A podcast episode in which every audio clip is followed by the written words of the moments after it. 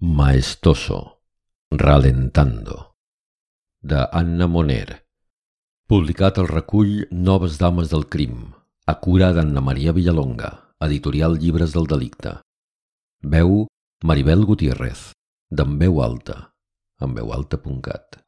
Música Evocació a la Capella Sixtina, opus S461 de Franz Liszt, i música per a corda, percussió i celesta, opus BB 114 de Bela Bartok.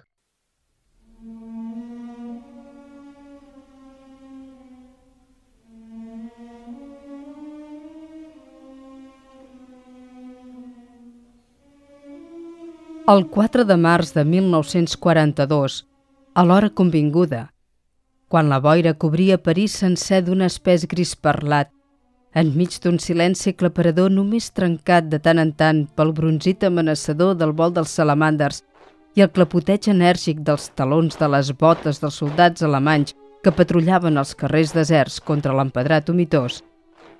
Tres siluetes de moviments feixucs a causa del pes de les maletes que transportaven. Creuaren la rue de Brea i s'aturaren davant del número 35. Dos cops breus i precisos, quasi imperceptibles, anunciaren la seua arribada. A l'instant, la porta s'obrí i la llum llangorosa d'una espelma il·luminar els rostres d'expressió temorida i mirada ansiosa d'un ancià, una dona de mitjana edat i un adolescent de cavallera negra i arrissada que es fonia en la foscúria de la nit. La portadora de la candela s'apartà a un costat i xiu-xiuejà un concís «A dins, ràpid!» en un francès acaronat per un lleu accent eslau, gairebé inapreciable en tan poques paraules.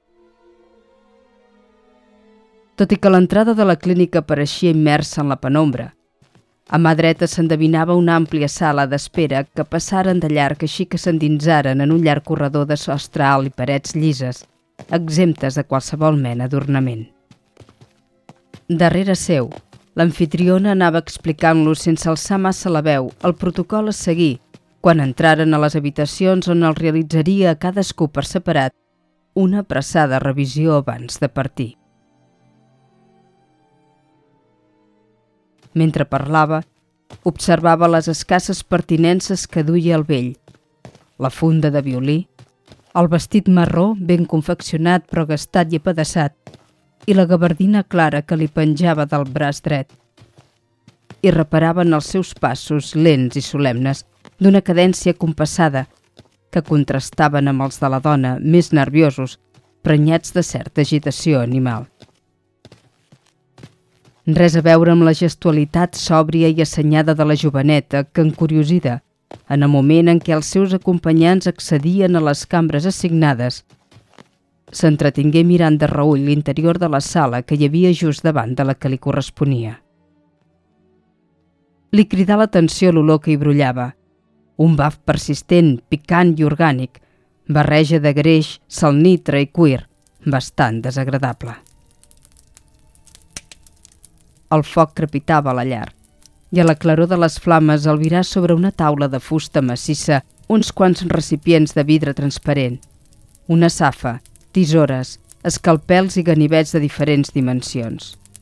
No li donà temps a equipar res més, perquè la dusta Cicerone tancà la porta, rodar el pom i colpejant-li suaument el muscle amb l'índex la convidà a travessar, sola, al llindar de l'habitació número 8.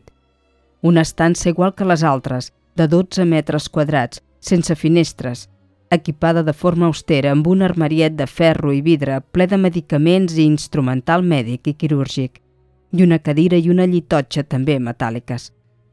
Un mobiliari lacat d'un blanc pulcre i escèptic, en concordança amb la flaire química que n'impregnava l'ambient.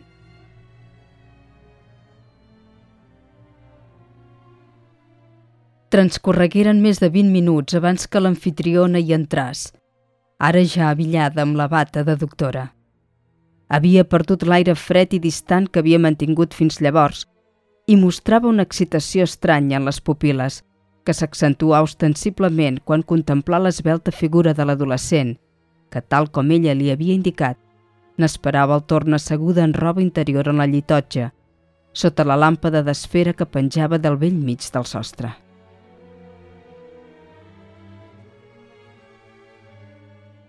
Sempre que realitzava una exploració, tota l'atenció de Marusha Suvorova es polaritzava en aquelles còrpores submises que s'exposaven confiades a la seua mirada incisiva.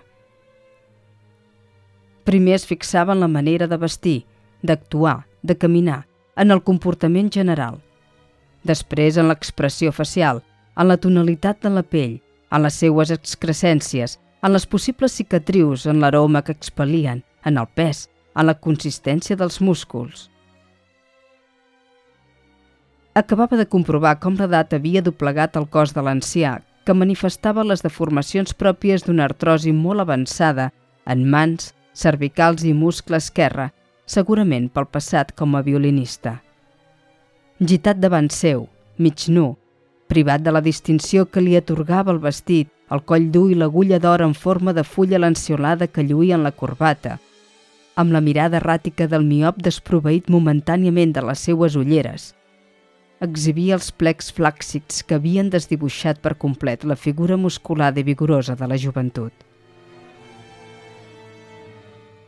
També havia escrutat detingudament la seua nora, una dona baixa, de cara redona, nas llarg i ninetes obscures i brillants, que presentaven al ventre, els pits i les natges, les adipositats típiques de qui ha engreixat per deixadesa. Per això, havia reservat per al final el palp ferm i llis de la carn fresca i salutífera, el tacte ballidor de la noia morena de rostre infantil. Li examinà la vista, l'oïda i el coll, sense poder ignorar els contorns delicats i eteris de la seva còrpora púber. L'auscultà i li efectuà una curada percussió en la zona abdominal seguint el ritual de costum.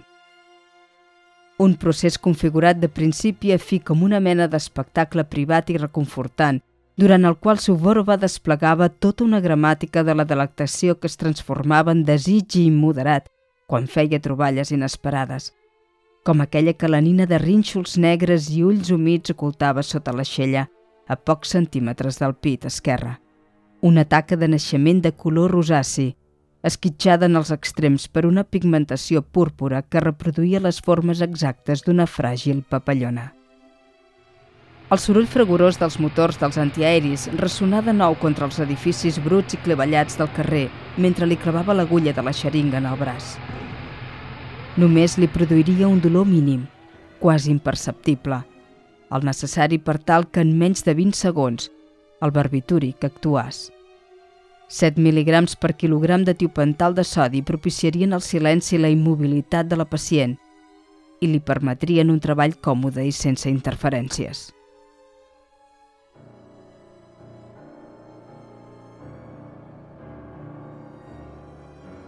Ningú no sabia que aquell 7 de gener de 1946 Marusha Zuvorova complia 51 anys.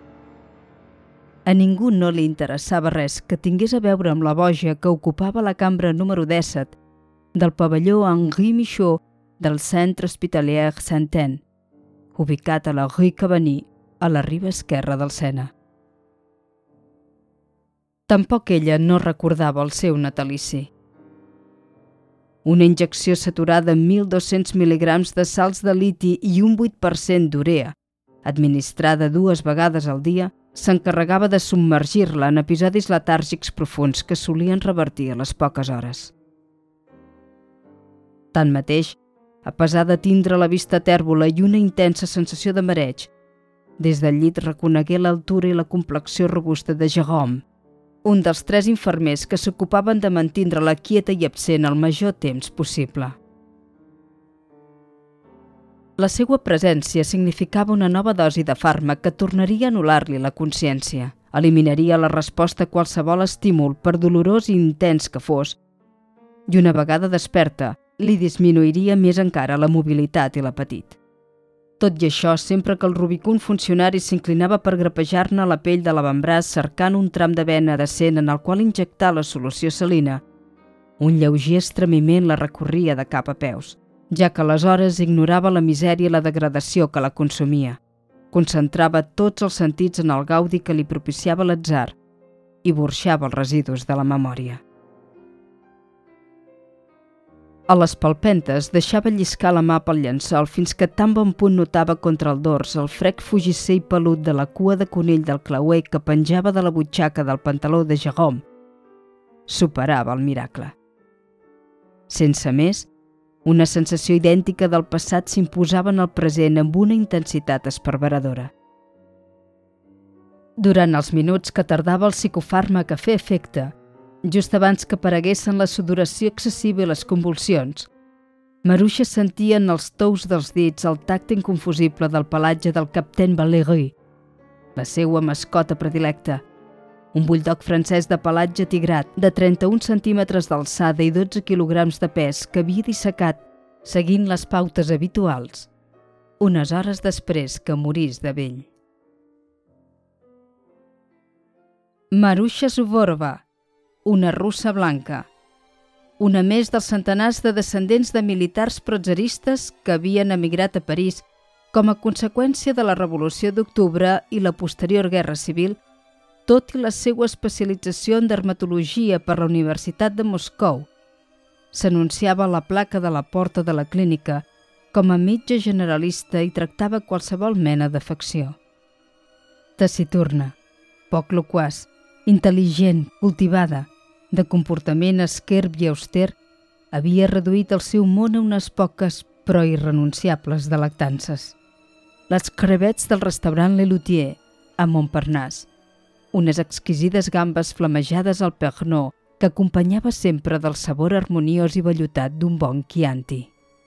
La dansa segura, commovedora i plàstica de Serge Lifan, un jove ballarí originari de Kiev que triomfava als Mercredi de la Dans que celebraven a l'òpera, i la pràctica de la taxidèrmia, una afició conreada des de l'adolescència que, unida a uns amplis coneixements anatòmics i quirúrgics, l'havia proveïda d'una peculiar col·lecció de curiositats que havia sabut mantindre oculta a les mirades impressionables i madures de coneguts i estranys. Guardava gelosament una part d'aquest cúmul de trofeus incorruptes, d'aquest tresor inestimable i únic, en reliquiaris de coure i estoig d'argent i llautó. La resta, petits mamífers i ocells domèstics que havien conviscut amb ella, ornaven les prestatgeries de la cambra de la clínica on dissecava, disposats entre la vaixella de plata i exquisides peces de porcellana de Limoges.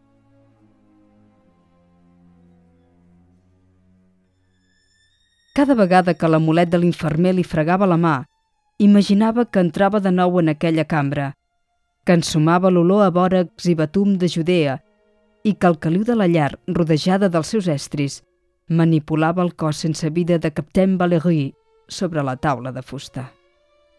Amb un ganivet esmolat executava un tall ferm i precís des del coll fins a la cua, un altre des del ventre fins a les zones menys visibles de les potes a fi d'evitar que després es notaren les costures, i l'escorxava d'una peça. Respatllava el pelatge curt del gos abans de soterrar-lo en una safa plena de sal que xuclaria l'aigua que hi retenia i impediria l'acció dels microorganismes que originen la descomposició. I tot seguit entreia els ulls, tallava la llengua, seccionava el crani, extreia el cervell, eliminava òrgans, músculs i tendons i deixava l'esquelet net de podridura, llest per usar-lo. En qüestió d'un parell de dies, el petit bulldog assegut sobre les potes darreres amb el cap graciosament inclinat les orelles ertes i uns gruixuts ulls de vidre, mirant el no-res, lluiria al costat d'una supera d'estilitzades anses decorada amb filigranes daurades. Dins dels murs de l'edifici de la Rue de Bréa, Marusha Zuvorova, aliena a les misèries quotidianes de la guerra, havia ordit una sèrie d'entreteniments anòmals que li resultaven sumament plaents unes distraccions delitoses que compaginava amb altres més mundanes, com les que gaudia a l'òpera i també al restaurant de Montparnasse, el lloc on el 24 d'octubre de 1944, dos mesos després del final de l'ocupació alemanya, recordava els moviments dúctils i expressius de l'IFA representant l'Elà de Signe, acompanyat d'Olga Spasitzeva, una magnífica ballarina de blanquíssima dentadura i rotuns incisius, mentre assaboria un plat de crevets flamejades i musclos i escopinyes al vapor, sota l'atenta mirada de Monsieur Dominique, el maître de l'Ulutier, quan tres agents de policia comandats per Bayard, l'inspector en cap de la prefectura de París,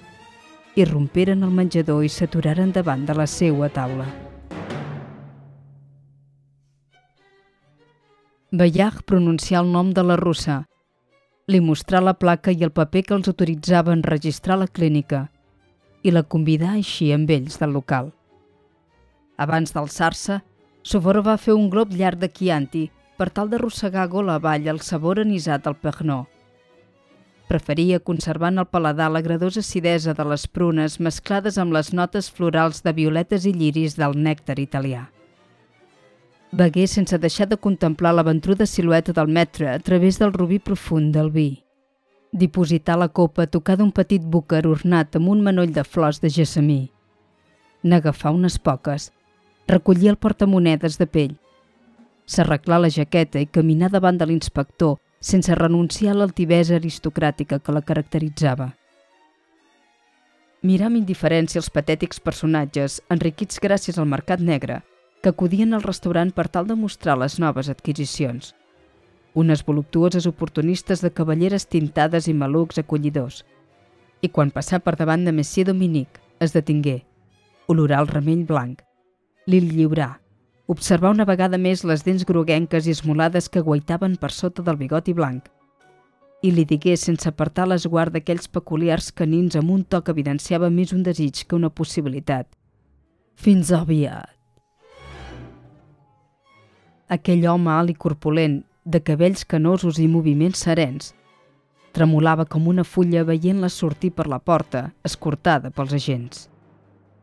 Confiava, si més no, que la denúncia portàs algun tipus d'informació sobre la sort de la trentena de jueus als quals havia recomanat els serveis de la metge, que a canvi de 20.000 francs per adult i 15.000 per nen, oferia un pas segur a l'Argentina o a un altre lloc d'Amèrica del Sud, a través de Portugal havia esperat un temps prudencial després de l'alliberament de París per acusar-la de col·laboracionisme amb els nazis. No tenia ni una sola prova. Havia actuat motivat per una mera sospita.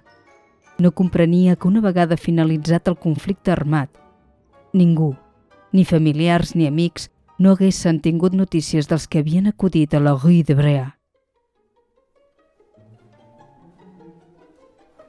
Asseguda en una butaca al costat de la llar, Marusha Suvorova seguia amb aire displicent els moviments àgils i rudes dels agents que remenaven entre les seues coses cercant qualsevol document que confirmés els temors del maître de l'Elutier. I dissimulava sota una expressió cordial el fàstic que sentia. Aparentment semblava no atendre massa el que feien o deien, però els dissecava mentalment. Es fixaven al peu que calçaven, en la talla de la roba en la grandària dels dits, de les orelles, en la dentadura, en el color dels ulls, de la llengua. Detestava que mans alienes deixassen el rastre del seu tacte en el delicat pelatge de les seues mascotes mortes. Tanmateix, no abandonà la rara placidesa que transmetia ni quan els funcionaris toquejaren amb les seues urpes el cos enrebaçut, de potes robustes, d'un gat britànic de pèl curt color xocolata, de port sòlid i majestuós ni quan agafaren per les extremitats fortes i musculoses un Boston Terrier o apartaren sense massa finesa una soca de pi sobre la qual hi havia a diferents altures quatre canaris de cridaner plomatge groc i ataronjat. Tampoc perdé les formes quan un dels agents descobrí una portella camuflada en un voluminós pedestal de fusta pintada imitant el marbre, custodiat per un estilitzat i esbel siamès de coll llarg i prim dissecat de tal manera que feia la sensació que anava a saltar damunt de qualsevol que intentàs profanar els tresors que allí s'amagaven. Una mena de compartiment secret ple d'estoig de diferents grandàries. Els tragueren tots, una vintena, i els col·locaren sobre la taula enmig de tisores, pinces, ganivets, destrals de carnisser, marraixes plenes d'alcohol, paquets de bòrax, de sal industrial, de cotó en pèl i safates de porcellana. Una a una, obriren les capses de plata i de llautó. A l'interior, protegits per folres de ras i vellut, dits, ulls, orelles, borrissol púbic, vísceres, trossos de pell amb pigues i barrocositats de formes originals, dentadures i llengües, exhibien la veritable naturalesa d'aquell ésser de maneres correctes i refinades que, impassible, continuava esbossant un somriure beatífic. La visió inesperada de les macabres relíquies generà estupor en els agents, un atordiment transitori que els impedia articular paraula. El primer a reaccionar fou Bayard, el qual es llevà la jaqueta, s'afluixà el nus de la corbata, s'arromangà la camisa i s'inclinà cap a Maruixa per exigir-li que els explicàs com havia aconseguit i a qui pertanyien els souvenirs anatòmics. Just en aquest moment, un dels seus subordinats entrà esbufegant, amb el rostre desencaixat, i amb una dicció accelerada gairebé inintel·ligible, instà l'inspector a acompanyar-lo al soterrani. Als 10 minuts, Bayard reaparegué molt més seriós que abans. Respirar a fons, a recolzar uns segons en el marc de la porta i observar detingudament aquella dona. Continuava asseguda en la mateixa posició, escortada per un parell dels seus homes, amb la testa lleugerament abaixada per tal que no detectassen en l'esguard el feroç menyspreu que li provocaven. No percebia en ella el més mínim indici de desassossec, tampoc el desfici propi d'una persona assetjada per la policia. L'inspector caminà vers la butaca. Encara li pareixia escoltar els lladrucs desafiants de la quinzena de gossos que tenia tancats al pati de darrere de la clínica però sobretot conservaven la retina l'hòrrida imatge dels dos cadàvers esquarterats, llestos per ser incinerats al forn que hi havia al centre de la lúgubre carbonera. S'agarrà els braços del seient, obligant-la a retirar el tors enrere. Inclinar el rostre a l'altura del seu, que mantenia cot. I amb veu greu i actitud intimidatòria, li llançà un reguitzell de preguntes destinades a esbrinar la identitat dels cossos trossejats i també la del muntó de restes humanes ja calcinades preparades per ser enterrades al pou de calç d'un racó del soterrani. Dissortadament, Bayard sabia perfectament de qui es tractava.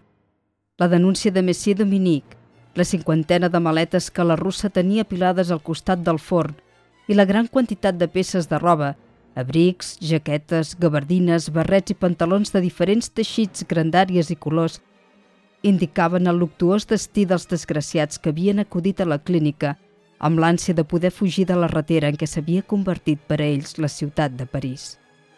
Enrabiat pel silenci tossut de la presumpta assassina, l'inspector clavà la mà a la butxaca del pantaló. Agafà un petit objecte que havia trobat baix en la solapa d'una jaqueta marró gastada i apedaçada que n'hi havia damunt d'una desballestada funda de violí. Allargar el braç. Obrir el puny. Li mostrar una agulla d'or en forma de fulla lanciolada i esperar una resposta. Un nom.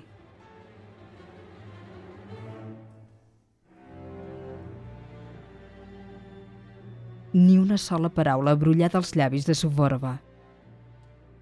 Amb tot, quelcom acabava d'activar un ressort ocult que la feu eixir de l'estat de parent apatia. Una criatura aquàtica, una voluptuosa sirena de pits opulents, cavallera llarga i cua onejant, oitava sota la mànega de la camisa doblegada de ballar, en la zona interior de l'avantbraç. Llavors, alçà el cap, al mirar amb l'expressió tèrbola d'una nena capriciosa, i somrigué mentre aproximava el dit índex a l'objecte del seu desig.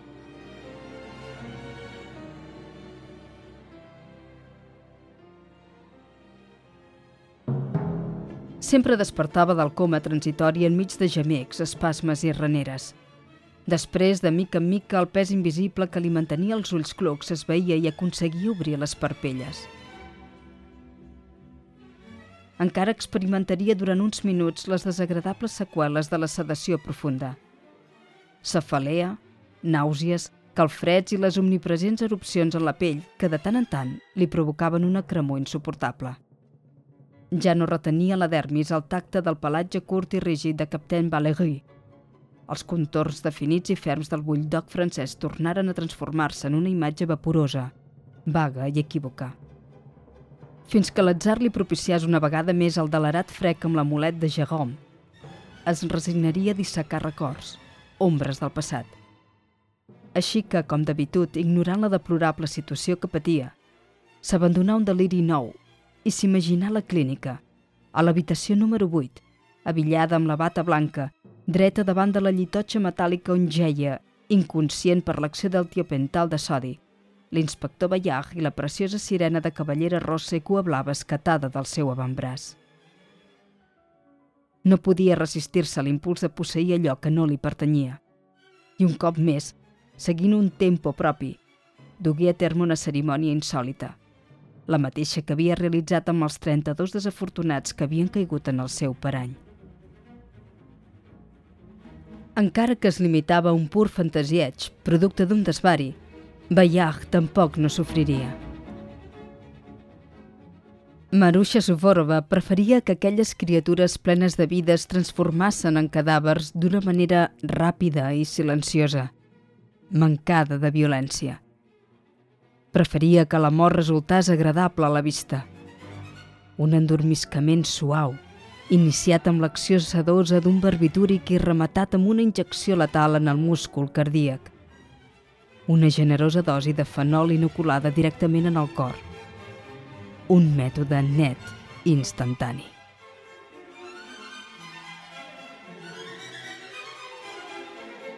L'esquarterament posterior del cos no responia a cap mena de ritual macabre. Es reduïa a una qüestió pràctica – els aspectes simbòlics els reservava per al tractament dels trofeus sagnants que recol·lectava. Les còrpores desapareixien, però les ànimes d'allò perdut romanien captives en els animals dissecats i també en les relíquies imputrecibles que acumulava. Un grapat d'ossos, dents, ulls, llengües i altres fragments de despulles humanes que adquirien un caire sacre des del mateix moment que començava a delerar-los presa d'un apetit incontrolable i voraç que sols obeïa una predisposició natural per depredar. Tot i això, els seus actes no eren fruit d'una ment desequilibrada. Simplement es lliurava la fruïció de la satisfacció immediata, un plaer brut, exempt d'empatia. De fet, per a la metge russa, els altres no eren cap altra cosa que pura closca. La part prescindible de l'espècimen, que ensiesava col·leccionar. Finalitzat l'ardit, Marusha Suvorova tornava a tindre les mans buides. No notava el palp vescós del tros de pell tatuada que en la seua quimera havia imaginat que tallava del braç de l'inspector i apenes sentia el cant de la sirena de llargs cabells, cada vegada més llunyà i esmorteït. Malgrat el malestar que la tenallava, apartar el llençol, s'incorporà. S'asseguí damunt del llit i notant les puntes dels dits dels peus la gelor de les lloses del sol. Disposava d'unes poques hores abans de rebre la visita d'un nou infermer armat amb xeringa i necessitava contemplar una altra volta l'únic vestigi de la seua durada col·lecció. Una singular peça que servava en un estoig càlid i orgànic. Cada dia que passava, la debilitat i la fatiga li impedien de practicar amb naturalitat la complexa tècnica amb què controlava els músculs de l'estómac. Malgrat això, recolzar els punys sobre el matalàs. Es concentrà amb els cinc sentits per provocar les contraccions destinades a obrir l'esfínter gàstric inferior i empantar l'objecte que hi allotjava a l'esòfag superior i, a continuació, a la gola. Les mans li tremolaven mentre s'extreia de la boca un petit fardell lligat amb un tros de fil arrencat de la vora de la camisola que des del dia del seu arrest engolia i regurgitava voluntat. Un tros de pell adobada, d'uns 3 centímetres de diàmetre, enfosquida i rosegada per l'acidesa dels sucs estomacals, en què s'endevinava una taca de color rosaci, esquitjada en els extrems per una pigmentació púrpura que reproduïa les formes exactes d'una fràgil papallona.